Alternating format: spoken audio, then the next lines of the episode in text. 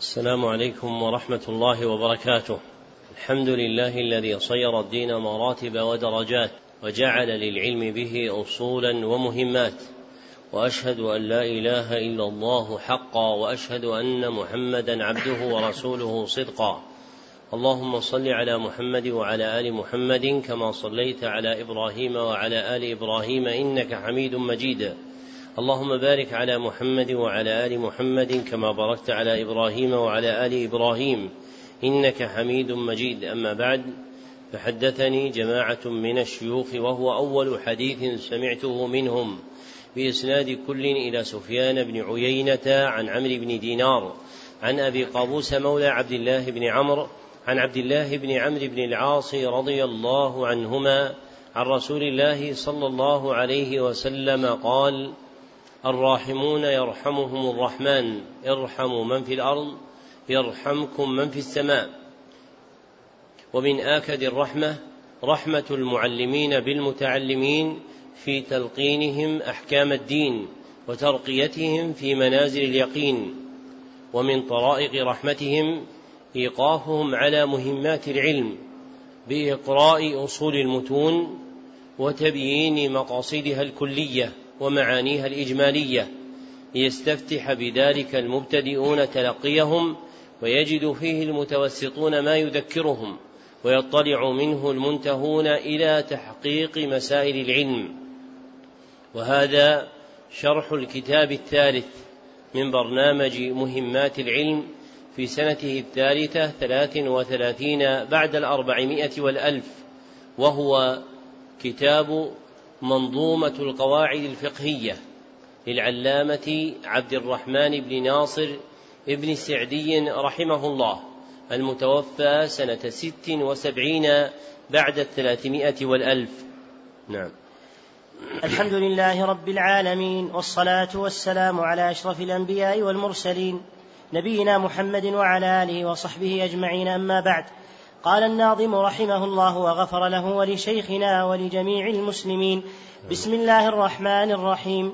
الحمد لله العلي الأرفق وجامع الأشياء والمفرق ذي النعم الواسعة الغزيرة والحكم الباهرة الكثيرة ثم الصلاة مع سلام دائم على الرسول القرشي الخاتم وآله وصحبه الأبرار الحائز مراتب الفخار اعلم هديت أن أفضل المنن. علم يزيل الشك عنك والدرن ويكشف الحق لذي القلوب ويوصل العبد إلى المطلوب. استهل الناظم رحمه الله أرجوزته وفق آداب التصنيف المعتادة بالبسملة والحمدلة والصلاة والسلام على الرسول صلى الله عليه وسلم. ثم شرع يذكر مقصوده بفعل منبه إلى مراده فقال اعلم هديت أن أفضل المنن علم يزيل الشك عنك والدرن مبينا فضل العلم وعظيم منفعته فالعلم أفضل منن الله على العبد والمنن جمع منه وهي النعمة الجليلة القدر. فإذا كانت النعمة عظيمة قيل فيها منة. فالمنة نعمة وزيادة. ومن أعظم منافع العلم إزالته الشك والدرن عن القلوب. والشك هو تداخل الإدراك في القلب. هو تداخل الإدراك في القلب. والدرن هو وسخ القلب وفساده.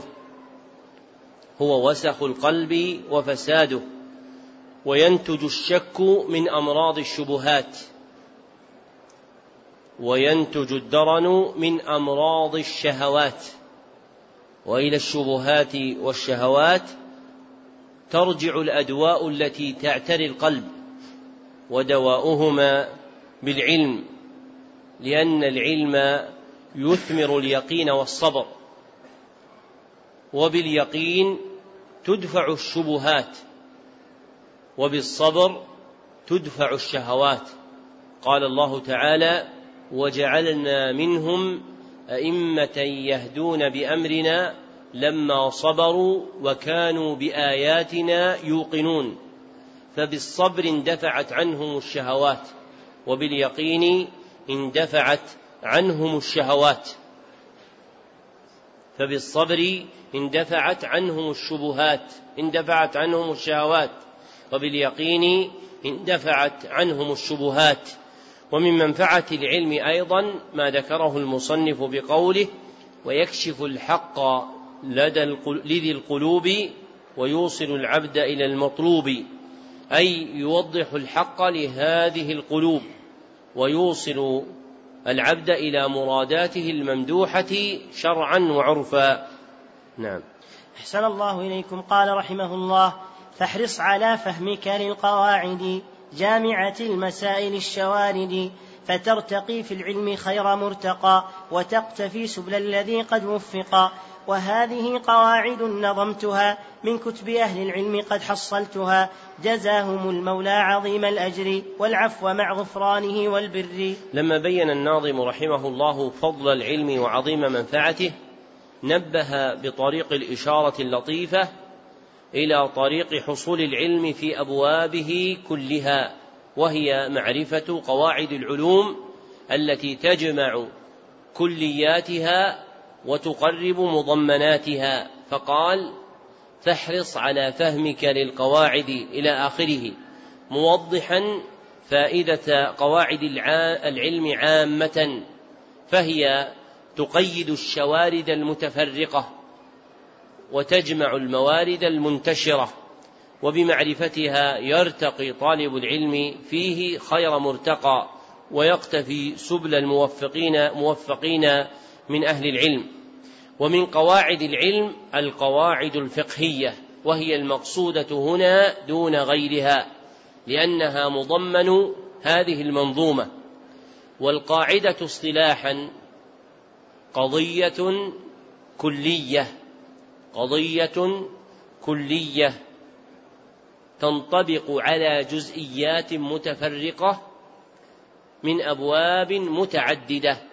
قضية كلية تنطبق على جزئيات متفرقة من أبواب متعددة.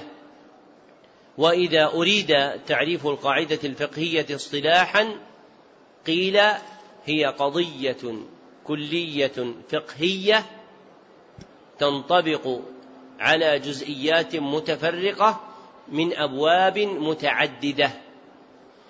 فالقواعد تجتمع في كونها قضايا كلية تندرج فيها جزئيات متفرقة من أبواب متعددة ثم تفترق قواعد العلوم باعتبار ما تنسب إليه فالقواعد الفقهية تنسب إلى الفقه والقواعد النحوية تنسب إلى النحو وهلم جرا. وأشار منشدكم إلى تعريف القاعدة لغة واصطلاحا في التبصرة السنية في القواعد الفقهية بقوله هي الأساس للبناء لدى العرب وحدها صناعة لمن طلب قضية للفقه زد كلية منثورة الأبواب للجزئية هي الأساس للبناء لدى العرب وحدها صناعة لمن طلب قضية للفقه زد كلية منثورة الأبواب للجزئية والحد الصناعي هو الحد الاصطلاحي وكان هذا هو المشهور في كلام القدماء كابن فارس في الصاحب وغيره وهو أليق لما يفيده من أن العلم صناعة من أن العلم صناعة وهي صناعة القلوب والعقول. نعم. أحسن الله إليكم قال رحمه الله والنية شرط لسائر العمل بها الصلاح والفساد للعمل. ذكر الناظم رحمه الله أول القواعد المنظومة وهي قاعدة الأعمال بالنيات وإنما يقدم المقدم فقاعدة الأعمال بالنيات هي أم القواعد الفقهية لجلالة أمر النية والنية شرعا هي إرادة القلب العمل تقربا إلى الله. إرادة القلب العمل تقربا إلى الله. وعامة الفقهاء يشيرون إليهم إليها بقولهم الأمور بمقاصدها وهذا التعبير معدول عنه لأمرين.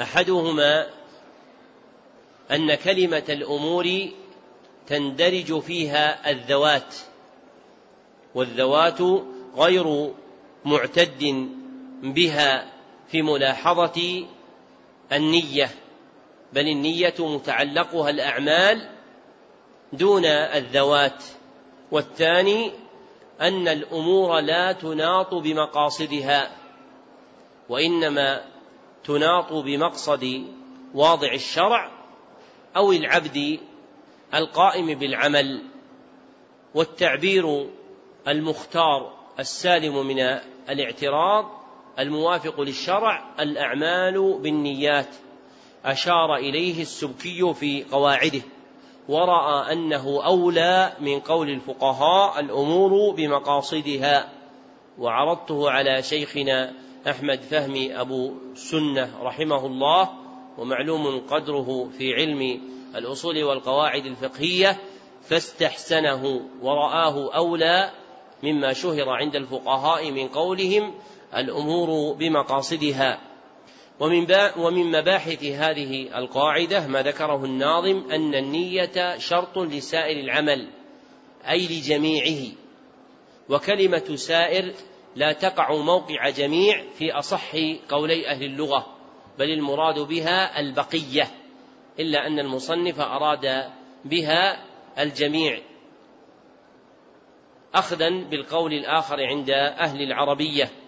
والعمل الذي شرطت له النية هو العمل الشرعي لتصريحه بتوقف الصلاح والفساد عليه أي صحة العمل وبطلانه المحكوم بهما شرعا على ما هو مقرر في محله عند الأصوليين.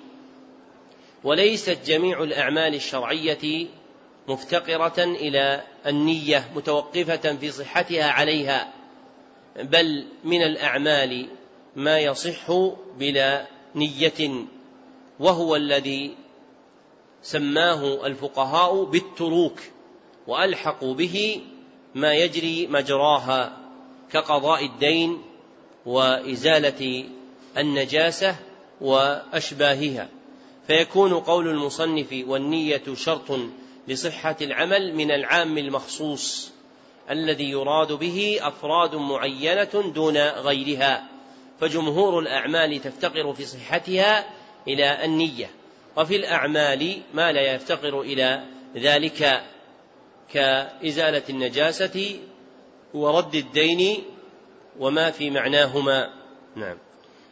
رفع الله قدركم قال رحمه الله والدين مبني على المصالح في جلبها والدرء للقبائح فإن تزاحم عدد المصالح يقدم الأعلى من المصالح وضده تزاحم المفاسد يرتكب الأدنى من المفاسد. ذكر الناظم رحمه الله قاعدة أخرى من القواعد المنظومة وهي أن الدين مبني على جلب المصالح ودرء المفاسد.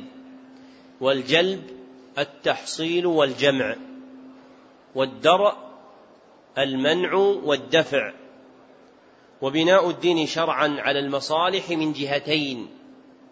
وبناء الدين على المصالح من جهتين تأسيسها وتكميلها. وعلى المفاسد من جهتين درئها وتقليلها. وعلى المفاسد من جهتين درئها وتقليلها.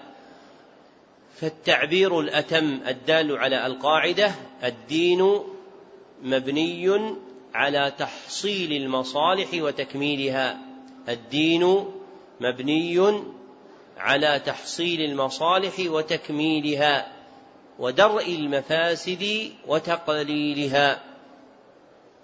وإطلاق المصلحة والمفسدة هي باعتبار حال العبد لا بالنظر إلى الله سبحانه وتعالى فإن الله لا تنفعه طاعة الطائعين ولا تضره معصية العاصين والمصلحة شرعا اسم للمأمور به والمصلحة شرعا اسم للمأمور به فتشمل إيش؟ الفرائض والنوافل فتشمل الفرائض والنوافل والمفسدة شرعا اسم للمنهي عنه على وجه الإلزام فتختص بالمحرمات فتختص بالمحرمات. وقد يكون المباح والمكروه مشتملا على مصلحة أو مفسدة بالنظر إلى حال العبد لا بالنظر إلى الخطاب الشرعي. فالأصل أن المصالح تتعلق بها الفرائض والنوافل وأن المفاسد تتعلق بها المحرمات. وقد يعرض للمباح أو المكروه ما يكون مصلحة أو مفسدة بالنظر إلى العبد نفسه لا بالنظر إلى خطاب الشرع. ومما يتعلق بالقاعدة المتقدمة تزاحم المصالح والمفاسد. والمراد بتزاحم المصالح امتناع فعل المصلحتين إلا بترك إحداهما. امتناع فعل المصلحتين إلا بترك إحداهما. والمراد بتزاحم المفاسد امتناع ترك إحدى المفسدتين إلا بفعل الأخرى. امتناع ترك المفسدتين إحدى المفسدتين إلا بفعل الأخرى. فإذا تزاحمت المصالح قدم أعلاها. وإذا تزاحمت المفاسد ارتكب أدناها. ودرجات العلو والدنو في المصالح والمفاسد تعرف بتتبع خطاب الشرع. ثم النظر في حال العبد. وإذا وقع الازدحام بين المصالح والمفاسد فإن رجحت إحداهما على الأخرى قدمت الراجحة. وإذا تزاحمت المصالح والمفاسد فإن رجحت إحداهما على الأخرى قدمت الراجحة. وإن تساوت المصلحة والمفسدة قيل حينئذ إن درء المفاسد مقدم جل على جلب على جلب المصالح. فتكون هذه القاعدة الأخيرة مخصوصة بحال واحدة وهي الحال التي تتساوى فيها المصالح والمفاسد من كل وجه. أما إن أمكن تقديم المصلحة على المفسدة برجحانها أو المفسدة على المصلحة برجحانها قدم الراجح فليست هذه القاعدة قاعدة مطلقة. بل هي مقيدة بالحال التي تتساوى فيها المصالح والمفاسد. أشار إلى ذلك القرافي رحمه الله تعالى في كتاب الفروق. فإن قال قائل هل يوجد من الأعمال ما تتساوى فيه المصالح والمفاسد من كل وجه؟ فالجواب يوجد ولا ما يوجد؟ ابن القيم يقول لا يوجد. يقول لا يمكن أن يكون حكم من الأحكام تتساوى فيه المصالح والمفاسد من كل وجه. وهذا الذي قاله ابن القيم صحيح باعتبار دلالات النصوص على تلك الحال. وأما باعتبار ما يعرض للخلق فإن المصالح والمفاسد تتفاوت وتختلف ويمكن أن تتساوى. فيصير كلام ابن القيم صحيحا باعتبار امتناع وجود أدلة متكافئة في الشرع يصادم بعضها بعضا في تقدير المصلحة والمفسدة في شيء واحد. وأما باعتبار تعلقها بفعل العبد فإنها توجد لاختلاف أحوال الناس وما يكتنفها من قرائن الترجيح للمصالح تارة أو للمفاسد تارة أو تساوي تلك المصالح والمفاسد في حق العبد. فيصير التساوي الذي يذكره عامة الأصوليين والفقهاء منظورا فيه إلى الحال التي تعرض للعبد لا إلى الأدلة التي تدل على كون الشيء مصلحة أو كونه مفسدة. ويعلم مما تقدم أن ازدحام المصالح والمفاسد له ثلاث مراتب. أولها تزاحم المصالح فيقدم أعلاها. وثانيها تزاحم المفاسد فيرتكب أدناها. وثالثها ازدحام المصالح والمفاسد. فإن رجحت إحداهما على الأخرى قدمت الراجحة. وإن تساوتا فدرء المفاسد مقدم على جلب المصالح. نعم. أحسن الله إليكم. قال رحمه الله ومن قواعد الشريعة التيسير في كل أمر نابه تعسير وليس واجب بلا اقتدار ولا محرم مع اضطرار وكل محظور مع الضرورة بقدر ما تحتاجه الضرورة. ذكر الناظم رحمه الله قاعدة أخرى من القواعد المنظومة وهي كما صرح بها في شرح منظومته التعسير يجلب التيسير. وما نحاه في تركيب القاعدة أحسن من قول المصنفين في القواعد الفقهية المشقة تجلب التيسير لأن ما ذكره أقرب إلى دلائل الشرع. قال الله تعالى يريد الله بكم اليسر ولا يريد بكم العسر. فنفى إرادته العسر لا المشقة. وأحسن من هذا وذاك ما عبر به النبي صلى الله عليه وسلم فقال إن هذا الدين يسر.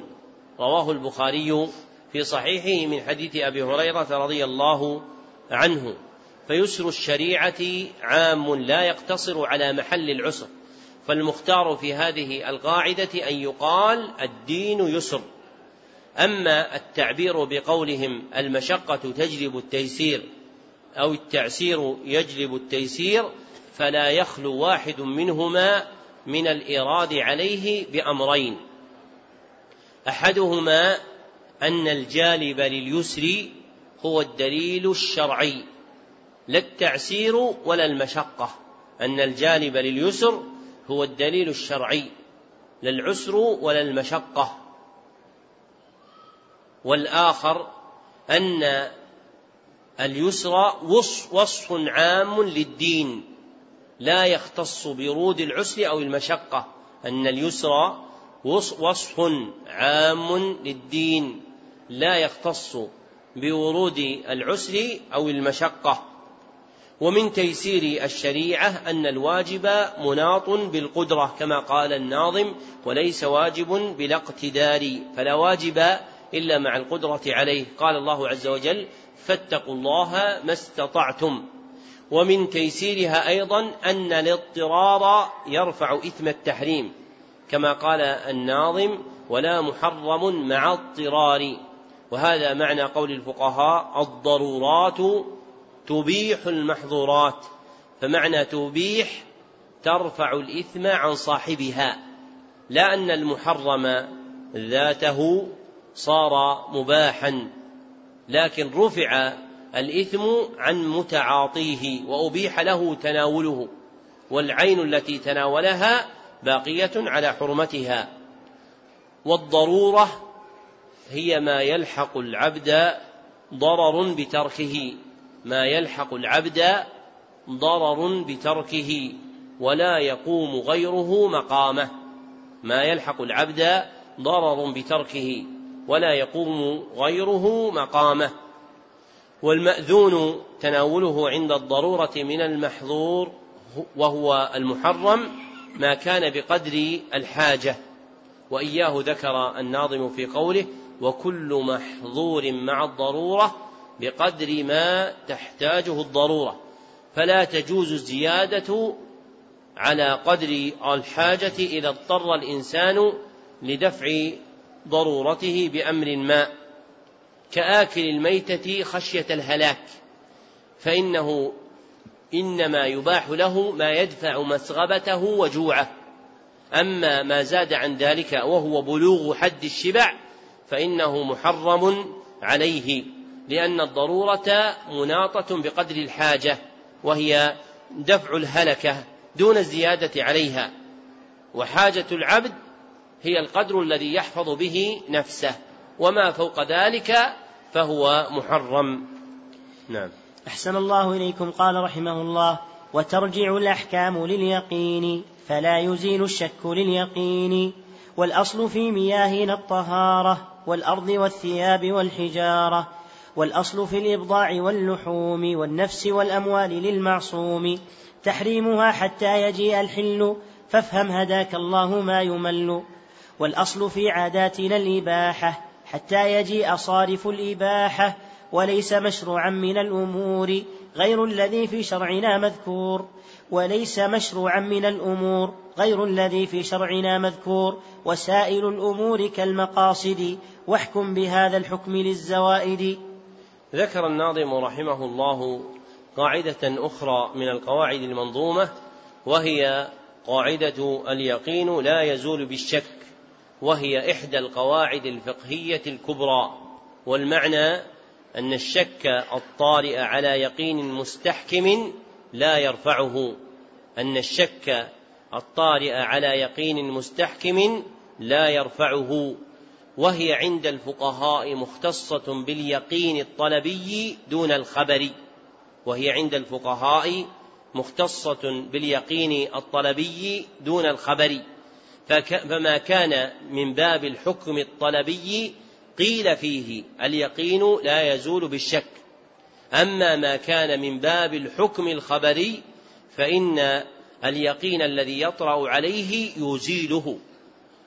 ومما يبينه أن الفقهاء رحمهم الله تعالى ذكروا عند جمهورهم أن من توضأ ثم شك في طروء الحدث عليه بقي على طهارته استصحابا لهذه القاعدة أن اليقين لا يزول بالشك فإنه متيقن طهارته ثم طرأ عليه شك في حدوث ما يزيل الطهارة فيقال له طهارتك ثابتة لا يزيلها الشك. ثم ذكروا في كتاب الحدود في باب الردة أن المرتد هو من انتقض دينه بقول أو فعل أو اعتقاد أو شك. فجعلوا الشك الطارئ على اليقين ناقضا له لأن اليقين المراد في هذا المحل هو اليقين الخبري. فتصير هذه القاعدة مخصوصة باليقين الطلبي دون اليقين الخبري. ويتفرع عن هذه القاعدة. اليقين لا يزول بالشك. تحقيق الأصل في أبواب كثيرة. عرض المصنف رحمه الله تعالى لجملة منها. فقال والأصل في مياهنا الطهارة إلى آخره. والمراد بالأصل هنا القاعدة المستمرة التي لا تترك إلا لدليل ينقل عنها. القاعدة المستمرة التي لا تترك إلا لدليل ينقل عنها. وذكر الناظم رحمه الله تعالى الأصل في أبواب في أبواب تسعة. الأول الأصل في مياهنا الطهارة. وإضافة المياه إلى الضمير لا يقصد منها تخصيص مطلق كمياه المسلمين. وإنما أراد المياه التي تتناولها أحكام الطهارة وهي مياه الدنيا. والثاني الأصل في الأرض الطهارة. والثالث الأصل في الثياب الطهارة. والرابع الأصل في الحجارة الطهارة. والخامس الأصل في الإبضاع التحريم. والإبضاع بالكسر الوطء وعقد النكاح. والأبضاع بالفتح الفروج. والذي تقتضيه عبارة الناظم في شرحه الكسر ليس غير.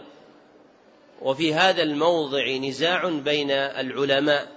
في أصله أهوى الحل أو التحريم.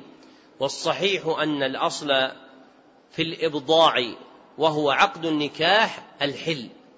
والأصل في الأبضاع وهي الفروج الحرمة. فيكون كسر الهمزة وفتحها مبينا الحق الحقيق في كلا المسألتين.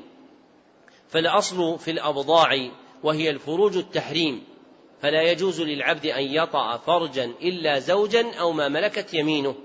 والأصل في الإبضاع أي عقد النكاح الحل.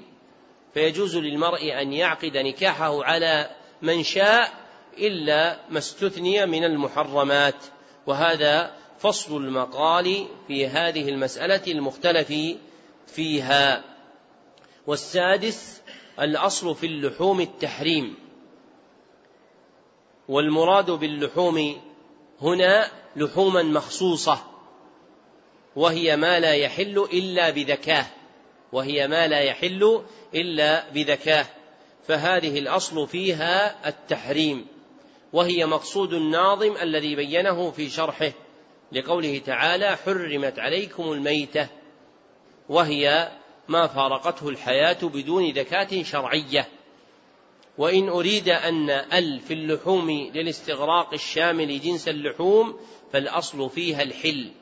لأن الله عز وجل قال قل لا أجد فيما أوحي إلي محرما على طاعم يطعمه إلا أن يكون ميتة أو دما مسفوحا أو لحم خنزير فإنه رجس أو فسقا أهل لغير الله به. فما كان وراء ذلك فهو على الأصل. فاللحوم على إرادة استغراقها الأصل فيها الحل.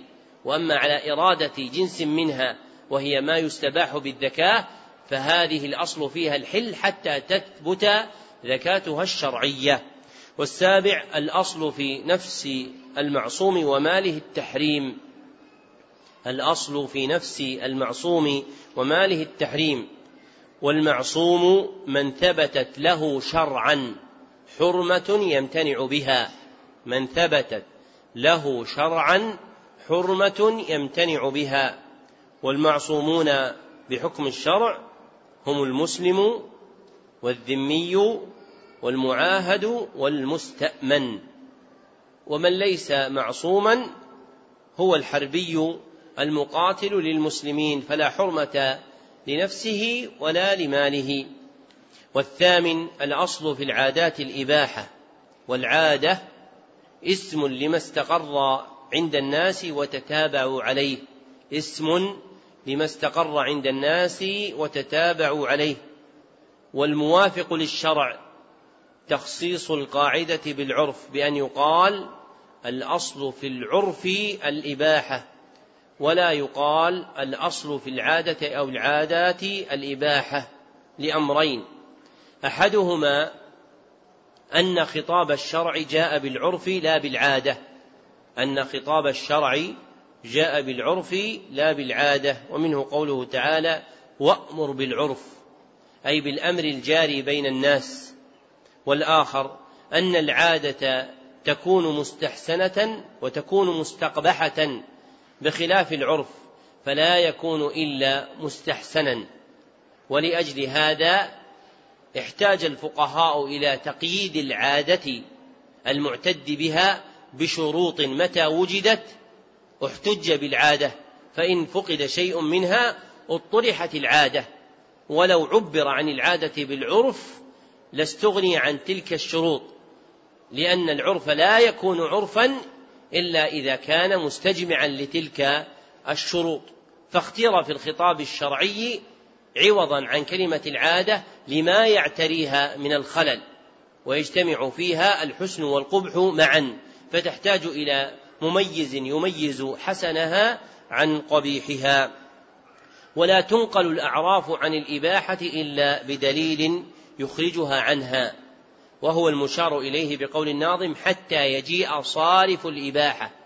فصارف الإباحة الدليل المخرج للعرف عن الإباحة إلى غيرها. والتاسع الأصل في العبادات التوقيف أي وقف التعبد بها على ورود الدليل. أي وقف التعبد بها على ورود الدليل.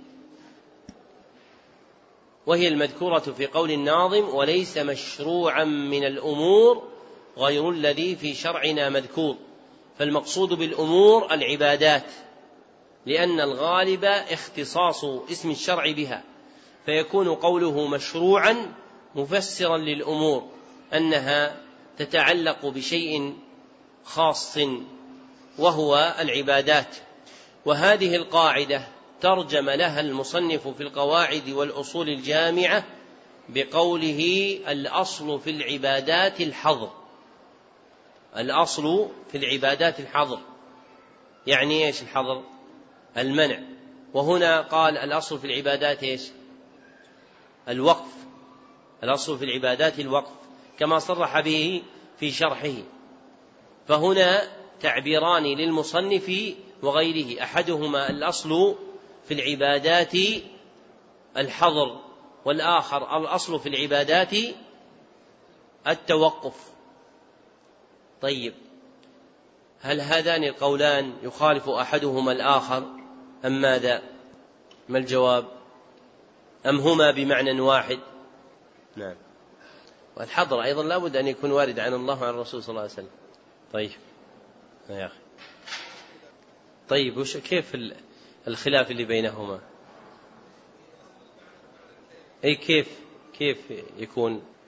من نفائس النسف قوله اختلاف العبارات لاختلاف الاعتبارات. اختلاف العبارات لاختلاف الاعتبارات. فأحيانا تختلف العبارة لاختلاف المتعلق. فالعبادات باعتبار احتياجها إلى الدليل يقال فيها مبنية على التوقيف فلا تكون العبادة عبادة إلا بورودها من دليل وباعتبار قيام العبد بها مبنية على الحظر فلا يجوز له أن يبتدئ بعمل يراه عبادة إلا بدليل دال على ذلك. ثم ذكر الناظم رحمه الله تعالى قاعدتين أخريين من القواعد المنظومة فقال وسائل الأمور كالمقاصد واحكم بهذا الحكم للزوائد. فالقاعدة الأولى الوسائل لها أحكام المقاصد. والقاعدة الثانية الزوائد لها أحكام المقاصد.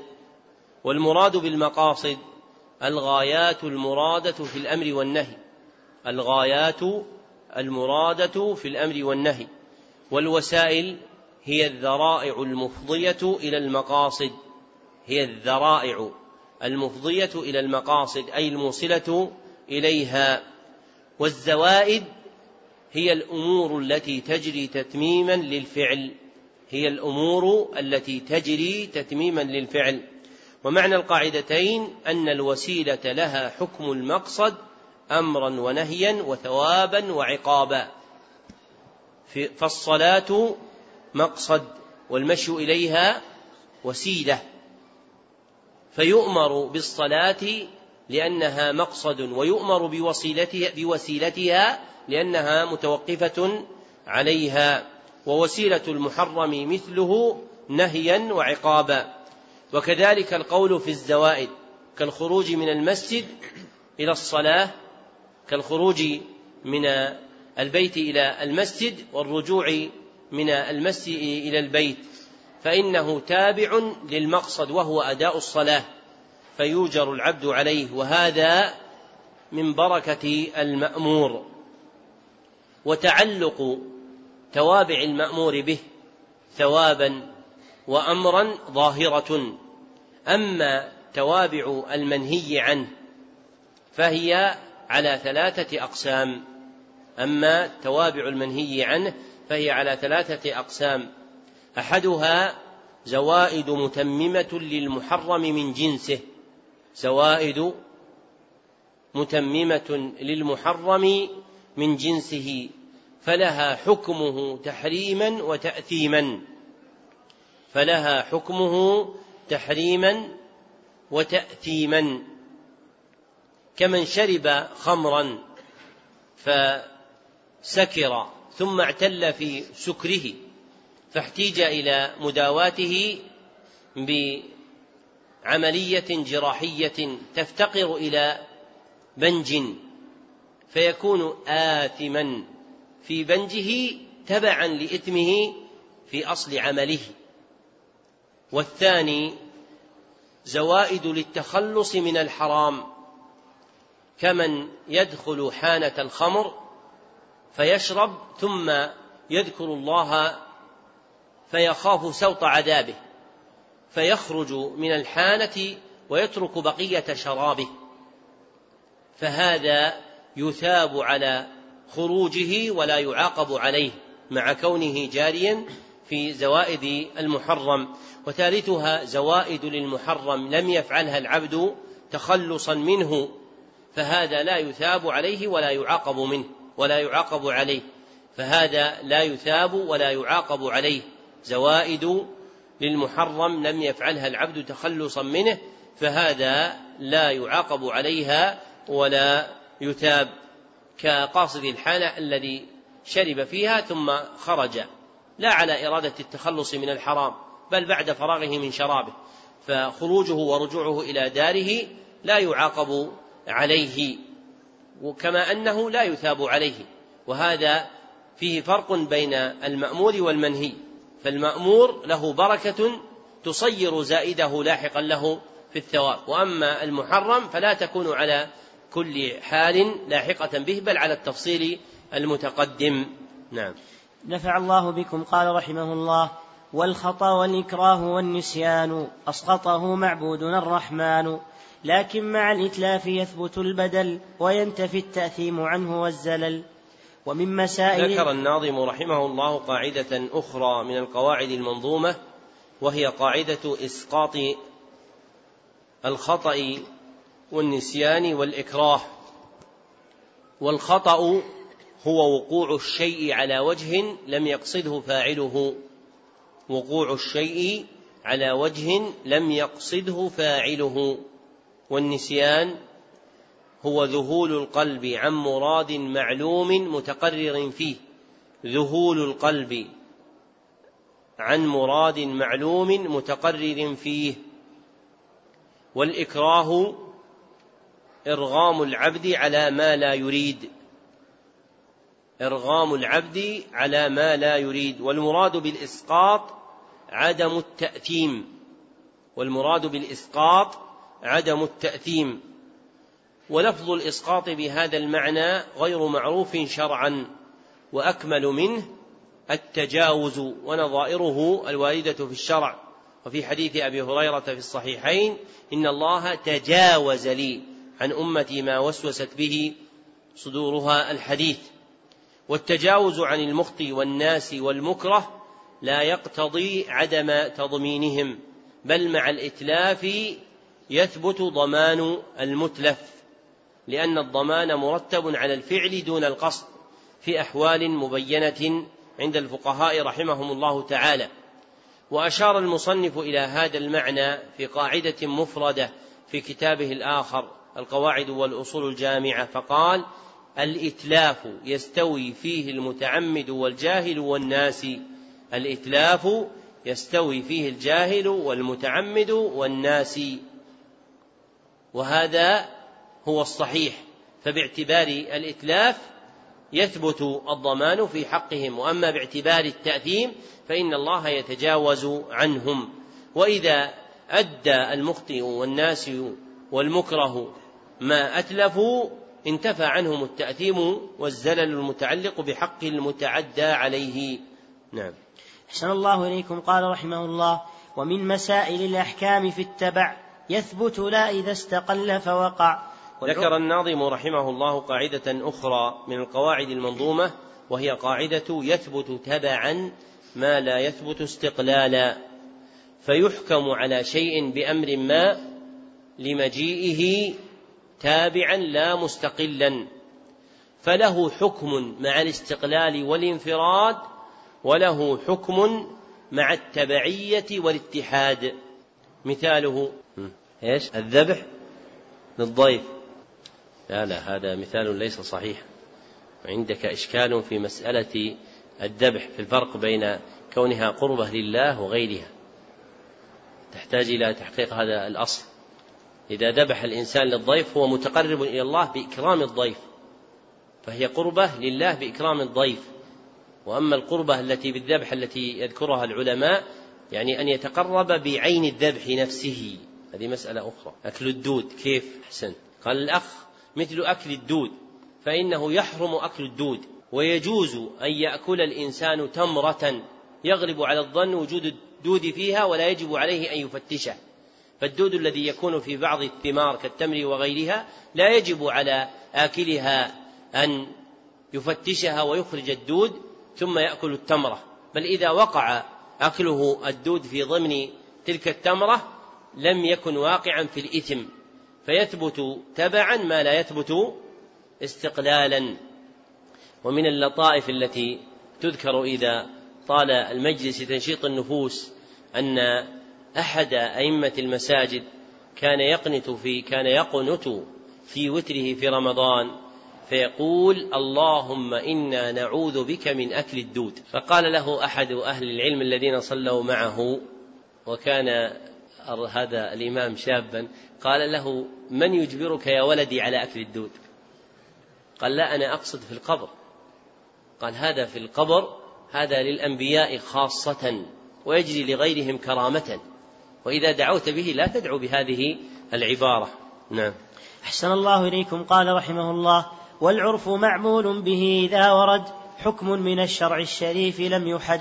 ذكر الناظم رحمه الله قاعدة أخرى من القواعد المنظومة وهي قاعدة العرف محكم والعرف ما تتابع عليه الناس واستقر عندهم. قال ابن عاصم في مرتقى الوصول العرف ما يعرف بين الناس ومثله العادة دون باس. وتقدم الإنباه إلى أن اللفظ المختار شرعا هو العرف للعادة. ومن أحكام العرف التعويل عليه في ضبط حدود الأسماء الشرعية. التي لم تتبين حدودها كإكرام الضيف وبر الوالدين والإحسان إلى الجار. وهذا هو مراد الناظم واقتصر عليها لأنها أعظم موارد قاعدة العرف محكم. فالأحكام الشرعية التي لم تتبين حدودها تضبط بالعرف. وأكثر الفقهاء يذكرون هذه القاعدة بقولهم العادة محكمة. وسبق الإعلام بأن هذا معدول عنه إلى العرف محكم فهو الموافق للشرع السالم من الإراد والاعتراض. نعم. أحسن الله إليكم. قال رحمه الله معاجل المحظور قبل آنه قد باء بالخسران مع حرمانه. ذكر الناظم رحمه الله قاعدة أخرى من القواعد المنظومة وهي قاعدة من استعجل شيئا قبل أوانه عوقب بحرمانه. من استعجل شيئا قبل أوانه عوقب بحرمانه صرح بها الناظم في شرحه ولم يجري على وفقها في نظمه لضيق النظم عنها.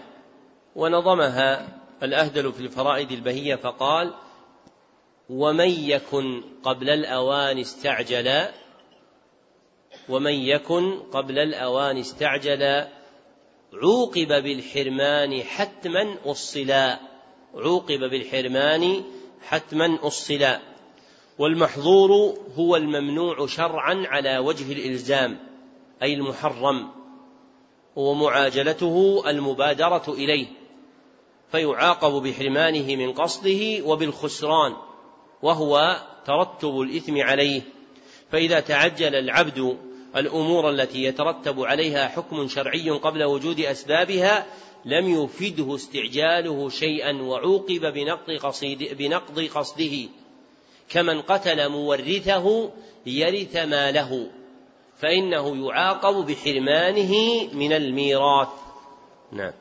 أحسن الله إليكم. قال رحمه الله وإن أتى التحريم في نفس العمل أو شرطه فذو فساد وخلل. ذكر الناظم رحمه الله قاعدة أخرى من القواعد المنظومة وهي قاعدة العبادات الواقعة على وجه محرم على ما في شرح الناظم فيكون العمل المراد هنا العبادات دون غيرها. لكن المصنف نفسه صرح في كتابه الآخر القواعد والأصول الجامعة أن هذه القاعدة تجري في المعاملات أيضا وهو المعروف عند عامة أهل العلم. فتكون هذه القاعدة متعلقة بالعبادات والمعاملات على حد سواء والمراد بالتحريم النهي وعبر عنه بأثره الناشئ عنه وعبر عنه بأثره الناشئ عنه فالأصل في النهي أنه للتحريم ومورده هنا هو الفعل وكأن الناظم أراد أن يقول وإن أتى النهي. في نفس العمل والنهي المتعلق بالفعل يعود إلى أحد أربعة أمور. أولها أن يعود إلى الشيء نفسه أو ركنه. أن يعود إلى الشيء نفسه أو ركنه. كالنهي عن بيع الكلب. وثانيها أن يعود إلى شرطه. أن يعود إلى شرطه. كالحديث المتفق عليه إن الله لا يقبل صلاة أحدكم إذا أحدث حتى يتوضأ. وثالثها أن يعود إلى وصفه الملازم له. أن يعود إلى وصفه الملازم له. كبيع الغرض والوصف الملازم هو الذي اقترن بالشيء فصار مصاحبا له مؤثرا في حكمه بخلاف الشيء نفسه. فقد يكون الشيء نفسه جائزا لكن يكون باعتبار ما اعتراه من وصف محرما كبيع الغرض. ورابعها أن يعود إلى خارج عما تقدم متصل بالفعل. أن يعود إلى خارج عما تقدم متصل بالفعل. كالنهي عن الصلاة في الأرض المغصوبة. كالنهي عن الصلاة في الأرض المغصوبة. فإذا عاد النهي إلى الثلاثة الأول رجع بالفساد على المنهي عنه. فإذا رجع النهي إلى الثلاثة الأول عاد بالفساد على المنهي عنه. وإذا رجع إلى الرابع لم يقتضي النهي الفساد. وإذا رجع إلى الرابع لم يقتضي النهي الفساد. فهذا تحقيق القول في المسألة الكبيرة. هل النهي يقتضي الفساد أم لا؟ فيقال إن ذلك ينظر فيه إلى هذه الأمور الأربعة فما كان من الثلاثة الأول قضى بالفساد فإن كان من الرابع لم ينتج الفساد. نعم. أحسن الله إليكم. قال رحمه الله ومتلف مؤذيه ليس يضمن بعد الدفاع بالتي هي أحسن. ذكر الناظم رحمه الله قاعدة أخرى من القواعد المنظومة وهي قاعدة من أتلف شيئا. دفعا لمضرته فلا ضمان عليه. من أتلف شيئا دفعا لمضرته فلا ضمان عليه بعد الدفاع بالتي هي أحسن. وبيانه أن العبد إذا أتلف ادميا أو حيوانا صال عليه أي هجم عليه دفاعا عن نفسه فإنه لا يضمن بشرط أن يدفعه بالأدنى ثم يرتقي إلى الأعلى. فإن ابتدأ بالأعلى وجب عليه الضمان. فمن صال عليه جمل كان الأدنى أن ينحاز عن طريقه ويميل عنه. فإن انحاز عن طريقه فقصده الجمل كان الأعلى بعد ذلك أن يضعفه بما يكسره فإن دفعه بقتله قبل دفعه بكسره ضمن فإن لم يستطع دفعه عنه بكسره دفعه عنه بقتله. فإذا ترقى كذلك لم يكن عليه ضمان وإن ابتدأ بالأعلى كان عليه الضمان. نعم. أحسن الله إليكم. قال رحمه الله وأل تفيد الكل في العموم في الجمع والإفراد كالعليم. والنكرات في سياق النفي تعطي العموم أو سياق النهي. كذاك من وما تفيدان معا كل العموم يا أخي فاسمع ومثله المفرد إذ يضاف فافهم هديت الرشد ما يضاف. ذكر الناظم رحمه الله هنا جملة من القواعد المنظومة المتعلقة بدلالات الألفاظ وهي بأصول الفقه ألصق منها بقواعده. وانطوت هذه الأبيات على ذكر ستة ألفاظ موضوعة للدلالة على العموم وهو شمول جميع الأفراد الناشئ عن دلالة العام والعام اصطلاحا هو القول الموضوع لاستغراق جميع أفراده بلا حصر هو القول الموضوع لاستغراق جميع أفراده بلا حصر. فأول دلالات العام اللفظية عند المصنف ال الداخلة على المفرد والجمع والمراد بها ال التي تكون للجنس كقوله تعالى إن الإنسان لفي خسر أي إن جنس الإنسان في خسار. والتمثيل بالعليم الذي ذكره المصنف على إرادة اسم الله وجرى عليه في شرحه لا يصح. فإن ال فيه ليست للجنس بحيث تستغرق جميع الأفراد المتصفة بالعلم فيدخل فيه من له علم من الخلق. وإنما يصح هذا على مذهب مردود في الاعتقاد لم يرده المصنف. فأخطأ رحمه الله تعالى في المثال الذي أراد به بيان القاعدة. ولا يقال إن المقصود بالعموم هو شمول علم الله لكل شيء فإن هذا لا يصح بالتمثيل به باسم العليم. وثانيها النكرات في سياق النفي كقوله تعالى يوم لا تملك نفس لنفس شيئا. وثالثها النكرات في سياق النهي كقوله تعالى ولا تدع مع الله إلها آخر.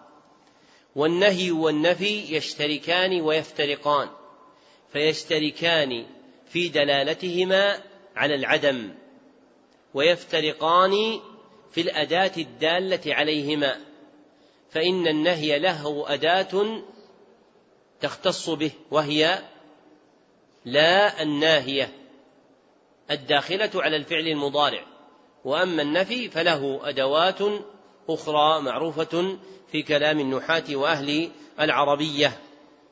وزاد المصنف في القواعد والأصول الجامعة عد النكرة في سياق الشرط أنها تفيد العموم.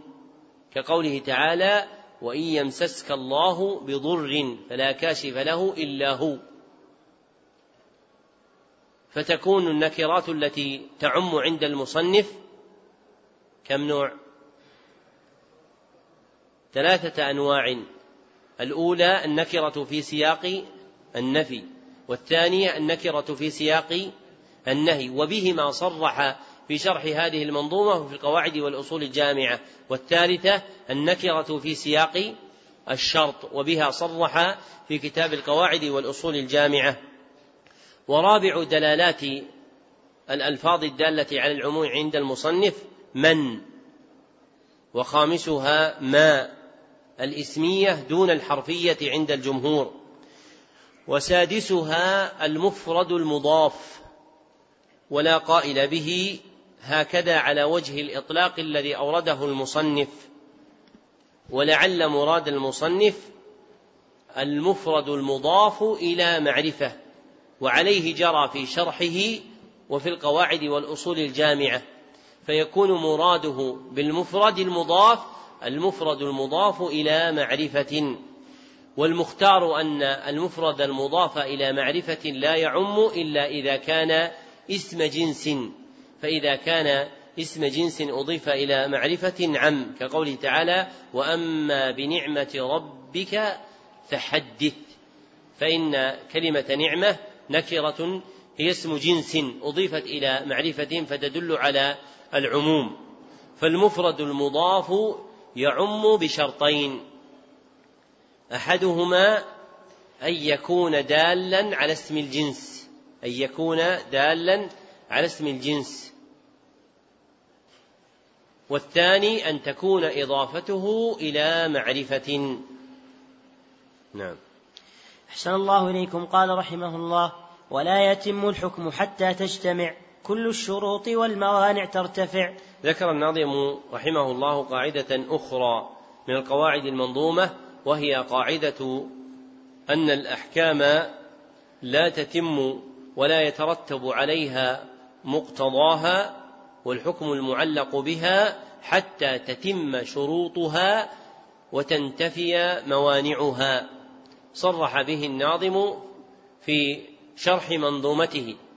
وزاد في القواعد والأصول الجامعة وجود الأركان فعند المصنف لا يتم الحكم على الشيء إلا باجتماع إلا بثلاث أولها اجتماع الشروط وثانيها انتفاء الموانع وبهما صرح في شرح منظومته وفي القواعد والأصول الجامعة وثالثها وجود الأركان وثالثها وجود الأركان ذكره في القواعد والأصول الجامعة والتحقيق أنه لا حاجة إلى ذكر وجود الأركان فإن الحكم على الشيء لا يكون إلا بعد وجوده ولا وجود له إلا بوجود أركانه.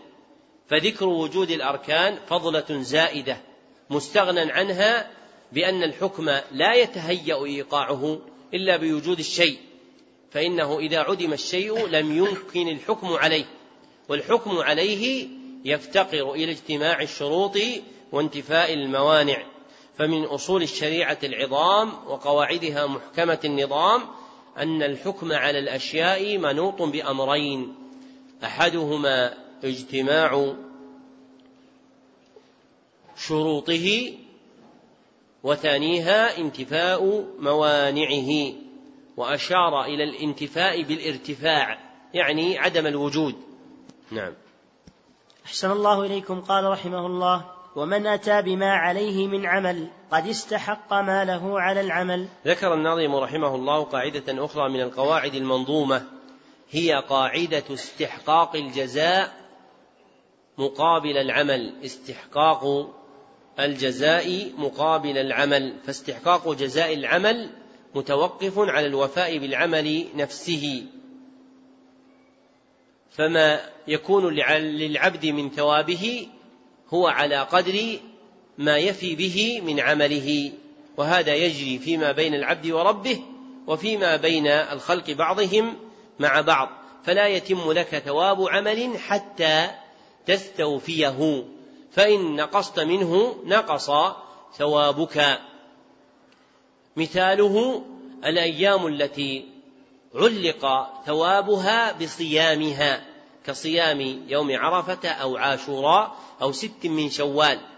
فإن هذه الأيام علق الثواب فيها بصيام اليوم واليوم اسم لما يكون بين طلوع الفجر الثاني إلى غروب الشمس. فلا يتحقق الجزاء المرتب إلا بالوفاء بالعمل كله. فلو نوى الإنسان من أثناء اليوم صح صيامه ولم يكمل أجره. واضح؟ إذا نوى الإنسان في أثناء عاشوراء أو عرفة في أثناء اليوم ولم يكن قد أصاب مفطرا وجه النهار فإنه لا ينال الثواب المرتب لأنه لم يأتي بالعمل الكامل فاستحقاق الثواب على قدر الوفاء بالعمل لكن يصح صيامه فصيامه صحيح لكن أجره ليس كاملا وهو مفوض إلى الله سبحانه وتعالى لأن العمل قيد باسم اليوم واليوم يكون من طلوع الفجر الثاني إلى غروب الشمس وهذا من الفروع المندرجة تحت هذه القاعدة.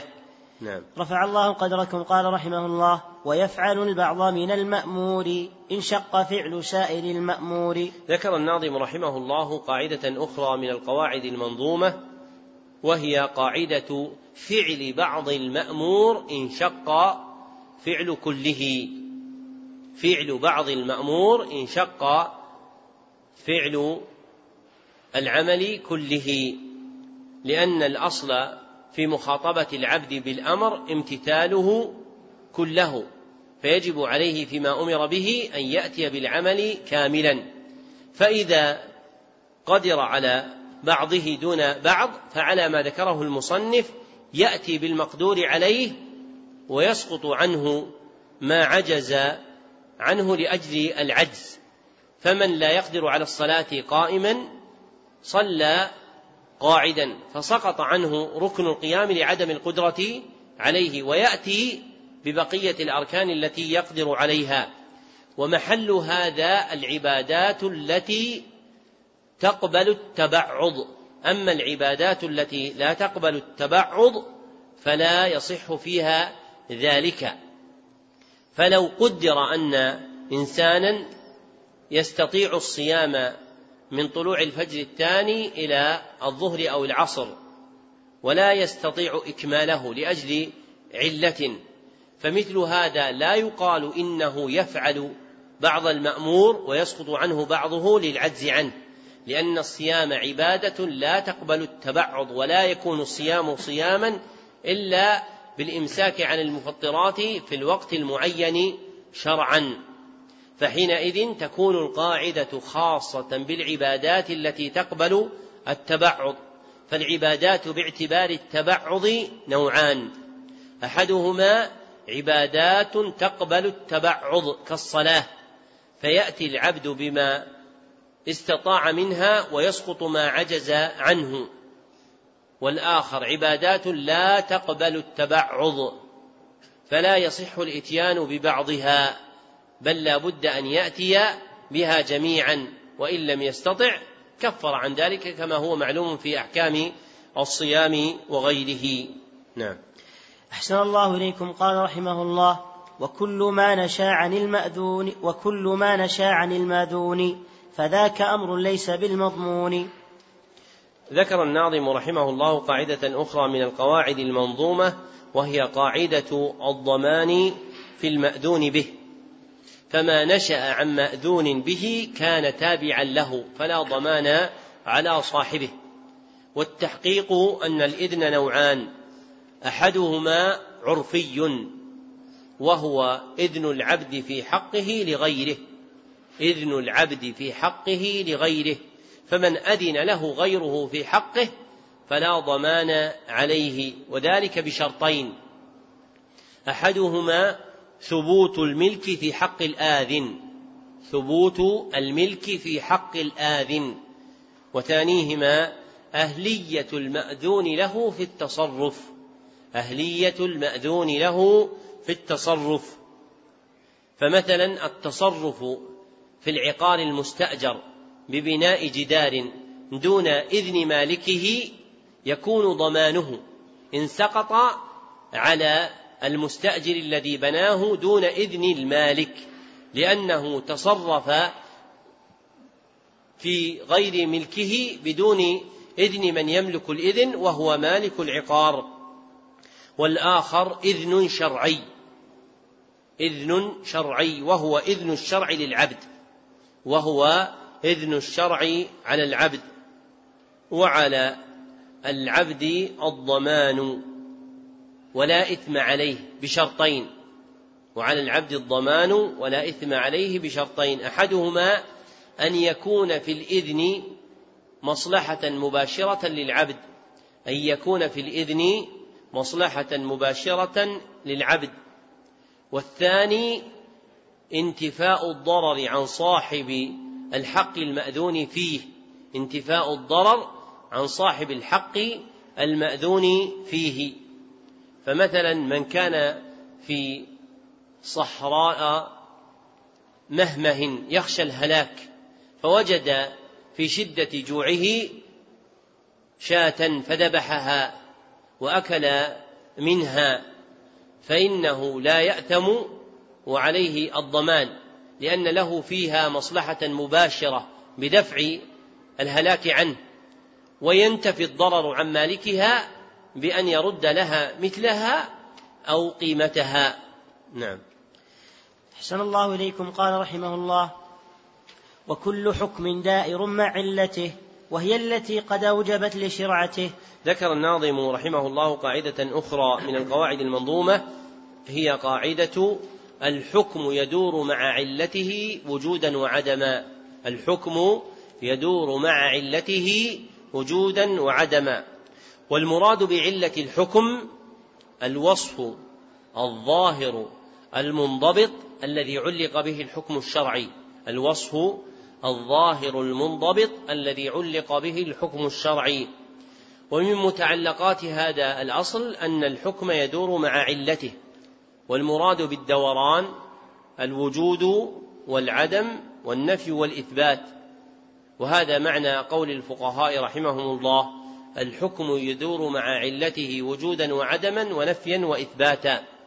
وهو مشروط بأمرين أحدهما أن تكون العلة متيقنة. أن تكون العلة متيقنة. والثاني ورود الدليل ببقاء الحكم مع انتفاء علته. ورود الدليل ببقاء الحكم مع انتفاء علته. فالرمل في الأشواط الثلاثة عند الطواف والاستداد في السعي بين العلمين كانت علته الحاملة عليه إظهار شدة المسلمين وقوتهم لمشركي مكة. ثم زالت هذه العلة وبقي الحكم. ففعل النبي صلى الله عليه وسلم ذلك في حجة الوداع مع ذهاب قوة المشركين وتغير أحوالهم على ما هو معلوم. نعم. أحسن الله إليكم. قال رحمه الله وكل شرط لازم للعاقد في البيع والنكاح والمقاصد إلا شروطا حللت محرما أو عكسه فباطلات فاعلما. ذكر الناظم رحمه الله قاعدة أخرى من القواعد المنظومة هي قاعدة الشروط التي في العقود وهي الشروط التي يتعاقد عليها طرفان فأكثر طلبا لمصلحة أو دفعا لمفسدة. فالشروط المتعلقة بالعقود نوعان فالشروط المتعلقة بالعقود نوعان. الأول شروط العقود. شروط العقود وهي الشروط الأصلية للعقود. والآخر شروط في العقود. شروط في العقود وهي الشروط الزائدة التي يتفق عليها المتعاقدان طلبا لمصلحة أو دفعا لمفسدة. فالشروط التي تكون في العقود زائدة عن أصل العقد. وشروط العقود الشروط الأصلية التي تتعلق بالعقد نفسه. فما كان من الشروط في العقود فالأصل فيها لزومها للمتعاقدين إلا شروطا حللت محرما أو أو أباحت إلا شروطا حللت محرما أو حرمت حلالا فإنها لا تجوز وإن اتفق عليها للمنع منها شرعا. نعم. أحسن الله إليكم. قال رحمه الله تستعمل القرعة عند المبهم من الحقوق أو لدى التزاحم. ذكر الناظم رحمه الله قاعدة أخرى من القواعد الفقهية المنظومة وهي قاعدة القرعة والقرعة هي الاستهام لاختيار شيء دون قصد تعيينه مسبقا. هي الاستهام لاختيار شيء دون قصد تعيينه مسبقا. والاستهام الضرب بالسهام ثم أقيم غيره مقامه. فكل ما كان في معنى الاستهام إذا قصد به اختيار شيء دون تعيينه مسبقا سمي قرعة. وذكر الناظم أن القرعة تستعمل في مقامين. أحدهما مقام الإبهام لتعيين ما يراد تمييزه. والآخر مقام الازدحام لتبيين ما يراد تقديمه.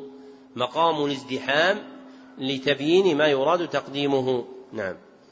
أحسن الله إليكم. قال رحمه الله وإن تساوى العملان اجتمعا وفعل إحداهما فاستمعا. ذكر الناظم رحمه الله قاعدة أخرى من القواعد المنظومة هي قاعدة اجتماع عملين من جنس واحد متفقي الأفعال وقوله وفعل أحدهما هكذا هو في خط الناظم وفيه كسر شعري والمتون تثبت على وضع مصنفيها.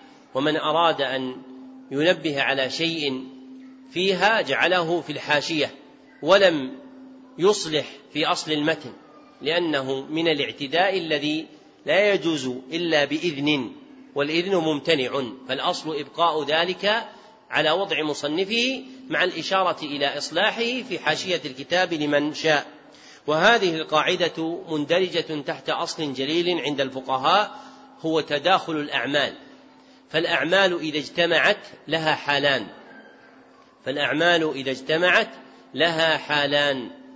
الحال الأولى تزاحم الأعمال وتقدم بيانها.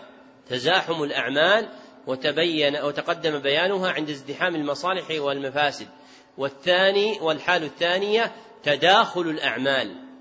والحال الثانية تداخل الأعمال وهي المرادة في هذه القاعدة. ومن فروعها أنه إذا اجتمع عملان فعل أحدهما ونويا جميعا. وذلك مشروط بثلاثة شروط. أحدها أن يكون العملان من جنس واحد. أن يكون العملان من جنس واحد. والثاني أن تكون أفعالهما متفقة أن تكون أفعالهما متفقة. والثالث ألا يكون كل واحد منهما مقصودا لذاته. ألا يكون كل واحد منهما مقصودا لذاته بل يكون أحدها مقصودا لذاته والآخر مقصودا لغيره. فمثلا إذا دخل المرء إلى صلاة الفجر لم يجز له أن يصلي ركعتين يريد بهما نافلة الفجر وفرضه لأنهما وإن كان من جنس واحد متفقا الأفعال إلا أن كل واحد منهما مرادا لذاته فلا يصح تداخلهما. وإذا دخل إلى المسجد بعد وضوئه فنوى أن يصلي راتبة الصلاة. مدرجا فيها تحية المسجد وسنة الوضوء صح ذلك. لأنها ترجع إلى جنس واحد وهو الصلاة مع اتفاق الأعمال وفيها واحد مراد لذاته وهو راتبة الصلاة. وأما سنة الوضوء وتحية المسجد فمرادة لغيرها أي لسببها الذي أنشأها فتكون تابعة لراتبة الصلاة فتدرج فيها فيصلي ركعتين وينوي إصابة أجر ست ركعات فمثل ذلك يصح. نعم. أحسن الله إليكم. قال رحمه الله وكل مشغول فلا يشغل مثاله المرهون والمسبل. ذكر الناظم رحمه الله قاعدة أخرى من القواعد المنظومة وهي قاعدة المشغول لا يشغل. أي أن العين المشغولة بحكم لا تشغل بحكم آخر كدار موقوفة فلا تشغل برهنها في توثقة دين أو غيره. والتحقيق أن هذه القاعدة مقيدة بما يرجع على الإشغال بالإبطال مقيدة بما يرجع على الإشغال بالإبطال دون غيره. قال شيخنا ابن عثيمين رحمه الله تعالى وكل مشغول فليس يشغل بما بمسقط بما به ينشغل. وكل مشغول فليس يشغل بمسقط بما به ينشغل. فإذا كان ما يراد إشغاله به مسقطا لأصله لم يجز. أما إن كان غير مسقط لأصله فإنه يجوز إشغاله بغيره. مثاله لو أن إنسانا وضع ماء موقوفا للشرب والعادة الجارية أن الماء الذي يستقي منه الناس يسقط منه في الأرض شيء كثير فعمد بعض الناس إلى إصلاح مسربة يسلك منها الماء المتساقط إلى نخل. فإن فعله جائز لأنه لا يرجع على العين الأصلية بالإبطال فإنه لا يسقي هذه النخلات بالماء وإنما بما يسقط من شرب الناس من هذا الماء فهذا جائز. أما إن عمد إلى جعل هذه النخلات تسقى بماء يأخذه من هذه العين الموقوفة على السقيا فهذا لا يجوز. نعم. أحسن الله إليكم. قال رحمه الله ومن يؤدي عن أخيه واجبا له الرجوع إن نوى يطالبا. ذكر الناظم رحمه الله قاعدة أخرى من القواعد المنظومة وهي قاعدة من أدى عن غيره واجبا بنية الرجوع عليه رجع وإلا فلا. وهذا نص عبارة المصنف في كتابه الآخر القواعد والأصول الجامعة. وهذه القاعدة تتعلق بالحقوق المؤداة عن الخلق.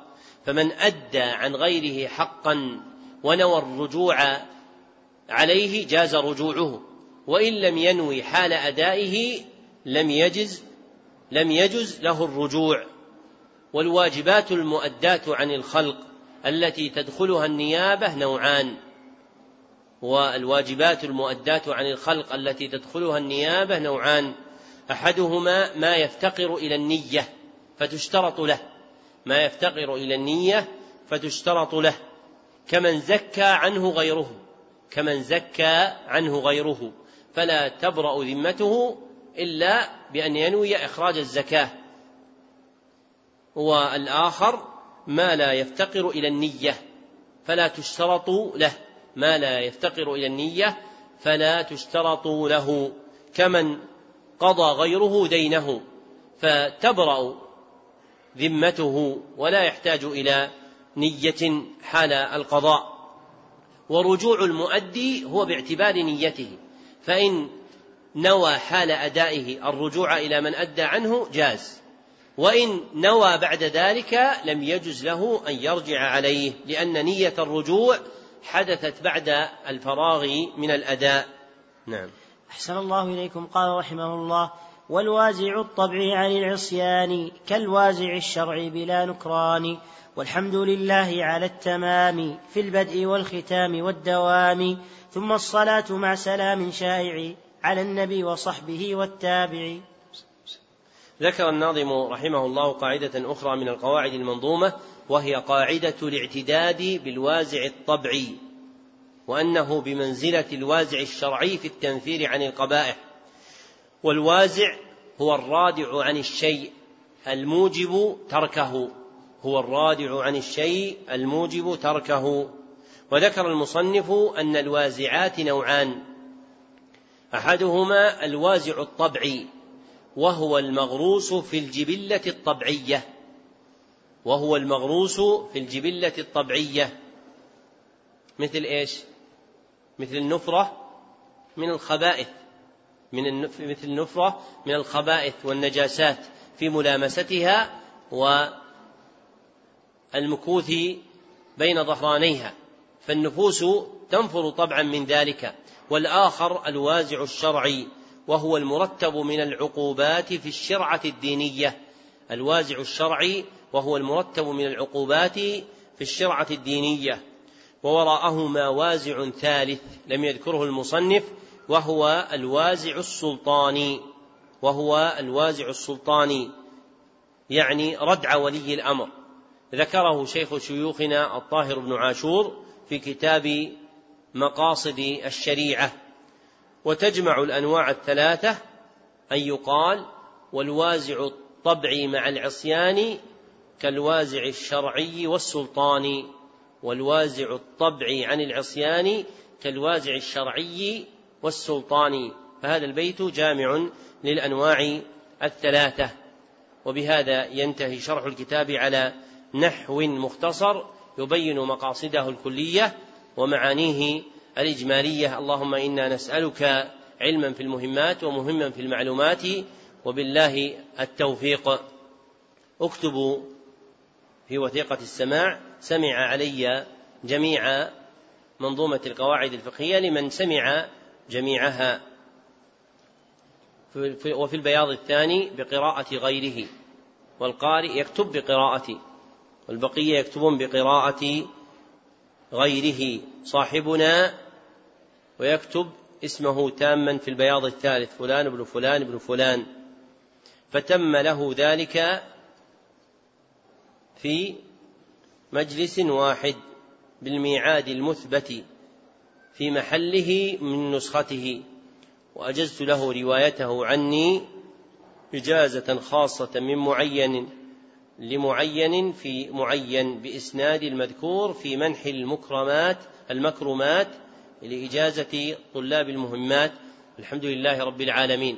واكتبوا تاريخ ذلك بعد صحيح ذلك وكتبه صالح بن عبد الله بن حمد العصيمي ليلة الجمعة السادس والعشرين من صفر سنة ثلاث وثلاثين بعد الأربعمائة والألف في المسجد النبوي بمدينة الرسول صلى الله عليه وسلم. وأنبه هنا إلى أمرين. أحدهما أننا بعد درس الفجر غدا وهو شرح القواعد الأربع سنقرأ بعض المتون الملحقة المسماة بصلة المهمات وهي ثمانية متون في آخر الكتاب. سنقرأها سردا لتقع لكم روايتها. والأمر فأحضروا الجزء الثاني مع الجزء الأول لأن هذه الصلة موجودة في الجزء الثاني. والأمر الآخر أن أحد الإخوان أخبرني عن وجود خمسين نسخة مصورة في مكتبة النور لمن أراد أن يأخذ نسخة مصورة من هذه الكتب. وفق الله الجميع لما يحب ويرضى الحمد لله رب العالمين وصلى الله وسلم على عبده ورسوله محمد وآله وصحبه أجمعين.